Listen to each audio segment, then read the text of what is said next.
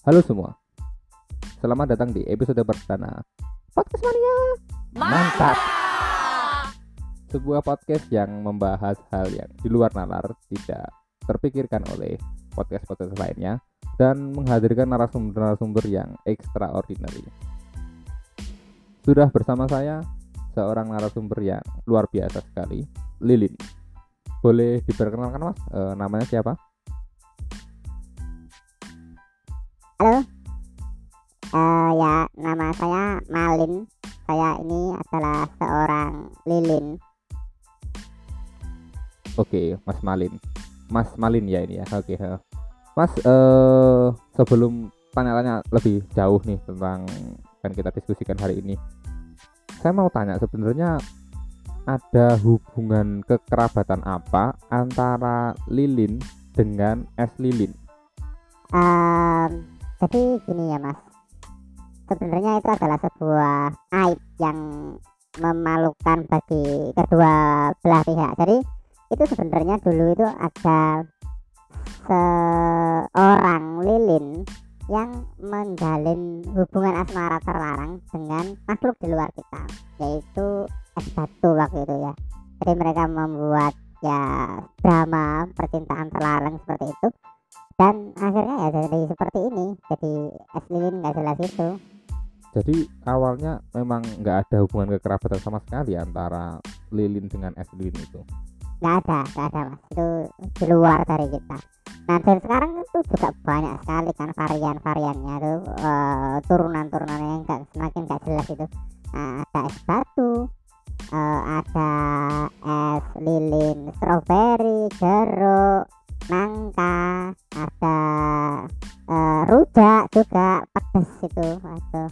jelas itu mas. Jadi itu nggak ada hubungannya sama kita sama sekali. Oh oke. Okay. nah mas Lilin ini pekerjaannya apa mas? Saya ini ya mas ya. Saya agak malu ngakuinnya sebenarnya. Lo kenapa mas? Kok malu? Ya sebenarnya pekerjaan yang saya lakukan itu bukan pekerjaan yang baik. Jadi saya ini sekarang jadi lilin babi ngepet. Hah? Lilin babi ngepet? Uh, itu gimana maksudnya? Ya gitu mas. Jadi lilin untuk praktek babi ngepet. Jadi saya bagian dari tim praktek babi ngepet itu. Sudah berapa lama mas menekuni profesi di bidang ini? Saya sudah sejak 2008 sih mas. Jadi itu awalnya tuh saya juga nggak sengaja sebenarnya ya. Saya ini kan dulu ya lilin biasa itu jadi ya yang dipakai untuk uh, kalau mati lampu seperti itu sebagai penerangan ya sebenarnya ya. Cuma kan tahu sendiri ya, ya. Sekarang ini kita ini tergusur oleh teknologi semakin maju orang kalau misalkan mau nyari penerangan pada saat mati lampu itu nyarinya sudah nggak lilin lagi mas atau oblik itu sudah nggak laku lagi. Mereka sekarang sudah punya yang namanya lampu yang bisa dicas nah, nah pada saat kondisi mati lampu mereka pakai itu pakai lampu yang bisa dicas itu. Lebih terang juga. Kita juga kan eh, apa redup terus juga. Belum lagi kita tuh ngotori lantai kadang kan tuh biasanya ibu-ibu tuh sering marah kalau misalkan mati lampunya lama terus badan kita itu nempel ke lantai. Itu apa namanya? Ngepelnya itu kan susah. Oh iya ya bener-bener itu kadang uh, juga uh, marah sih kalau misalkan sampai kotor di lantai itu. Eh, biasanya tuh solusinya itu dikasih tutup kaleng kongguan atau kaleng-kaleng biskuit lainnya. Ya ya benar ya sama kayak itu saudara kita. Saudara jauh kita tuh obat nyamuk. Obat nyamuk kan gitu juga ditaruh di atas kaleng kerupuk eh kaleng biskuit kaleng kongguan. Iya jadi inget masa lalu. Terus gimana mas kok akhirnya sampai bisa ketemu dengan profesi yang kal anda geluti saat ini?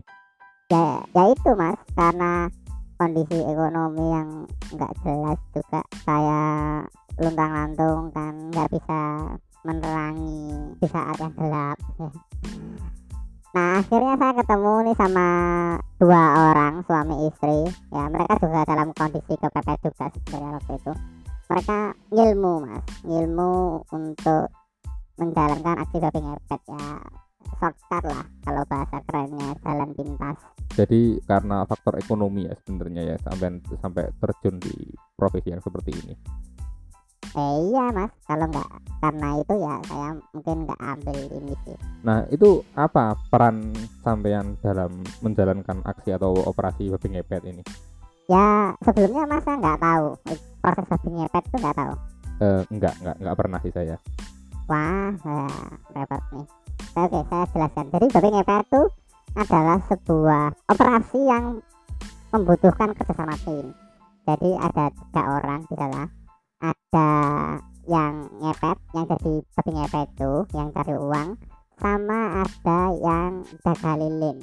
Itu tujuannya supaya kalau misalkan si siluman itu si yang nyari uang tadi itu dalam bahaya ketahuan warga misalkan gitu nah si yang jaga lilin itu harus segera mematikan lilin supaya dia aman selamat. Jadi dia langsung bisa kembali ke markas seperti itu mas. Nah tugas saya adalah menjaga sebuah ritual dari prosesi babi ngepet itu.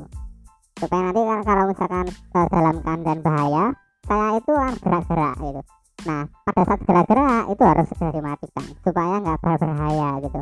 Nah itu uh, prosesnya sebenarnya sampai itu goyang-goyang pada saat ada bahaya tadi itu memang kemampuan sampean sendiri atau ada suatu alat yang dipasang di tubuh sampean gitu uh, enggak. Mas itu uh, semacam apa ya kayak ya karena ritual ilmu hitamnya itu jadi saya digerak-gerakkan sama kayak ada sinyalnya gitu. Cuma sinyalnya itu supranatural gitu mas. Oh oke okay, oke. Okay. nah gimana mas terkait dengan aksi babi ngepet ini? Maksudnya prospeknya itu seperti apa? Apakah menjanjikan? Apakah enggak begitu menjanjikan?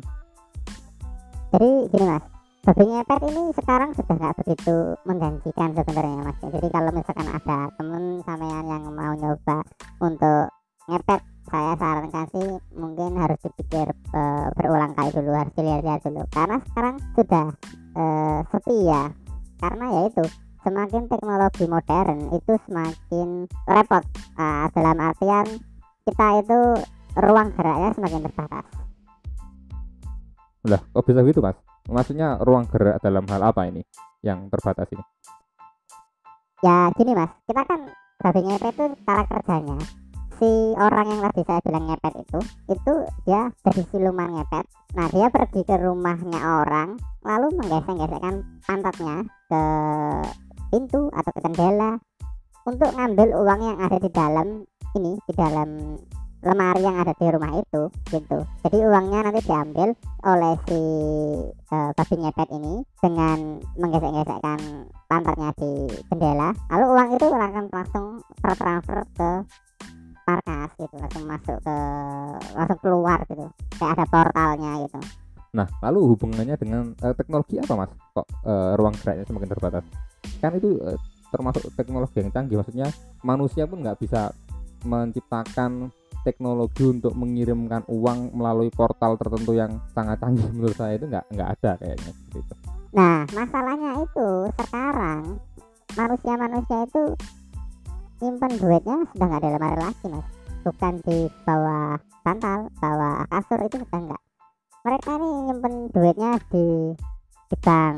Nah itu kan juga uh, repot gitu kan lah repot kenapa mas? Kan lebih enak. Maksudnya kalau sampean ambil uangnya di rumah mungkin kan uangnya sedikit cuma naruh berapa lah berapa juta gitu. Tapi kan kalau di bank kan duitnya sampai miliaran bahkan.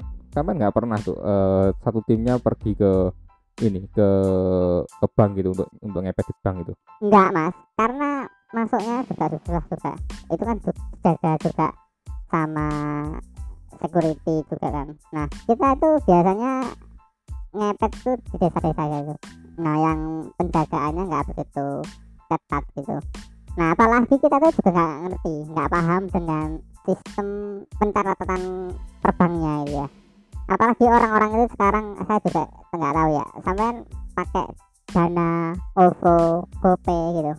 Itu saya juga nggak tahu itu uangnya nih di mana Oh, maksud sampean tuh ini apa namanya eh, nyimpen duitnya itu di kayak fintech gitu kayak OVO, GoPay, Dana gitu itu yang sampean nggak bisa ambil uangnya. iya mas saya nggak tahu itu nyimpen duitnya di mana itu nggak tahu dan saya nggak punya kemampuan untuk ambil uang di sana apalagi kan sekarang orang-orang semua sudah menggalakkan yang namanya gerakan cashless society orang-orang sudah nggak nyimpen duit secara tunai padahal kita babi ngepet ini atau kelelawar ngepet atau tikus ngepet kegiatan ngepet apa pun itu pun yang kita butuhkan adalah uang cash. Bukan eh, nominal transfer atau nominal eh, uangnya. Kita butuh uang cashnya. Nah itu tuh kita nggak bisa ambil eh, uangnya di sumbernya langsung. Saya tuh juga nggak tahu mereka nyimpen uang yang di mana Tadi sampean bilang kalau misalkan ada aksi-aksi lainnya seperti tikus ngepet sama kelelawar ngepet. Emangnya ada itu tikus ngepet sama kelelawar ngepet? Oh ada mas, sampai nggak tahu. Ya memang eh, yang paling populer tuh kita babi ngepet. Tapi sebenarnya itu ada tikus sama kelelawar ngepet. Nggak begitu ini sih, nggak begitu populer. Tapi ada sebenarnya mas. Nah bentuknya itu kayak gini. Nah ini ini ini. Ini yang dinamakan tikus ngepet. Ini yang dinamakan kelelawar ngepet. Bentuknya kayak kelelawar corona. Mas. Ya, ya bener sih. Bentuknya kayak kelelawar corona. Nah, lalu eh, gimana mas dengan yang kondisi saat ini sampean bilang katanya sudah tidak menjanjikan? Ini apakah sampean akan teruskan atau gimana? ya saya sih inginnya sebenarnya berhenti ya mas saya nggak mau gini-gini lagi itu sebenarnya tapi ya gimana lagi ya karena kondisi keuangan ya. Ya mungkin saya akan coba eh, tetap sih.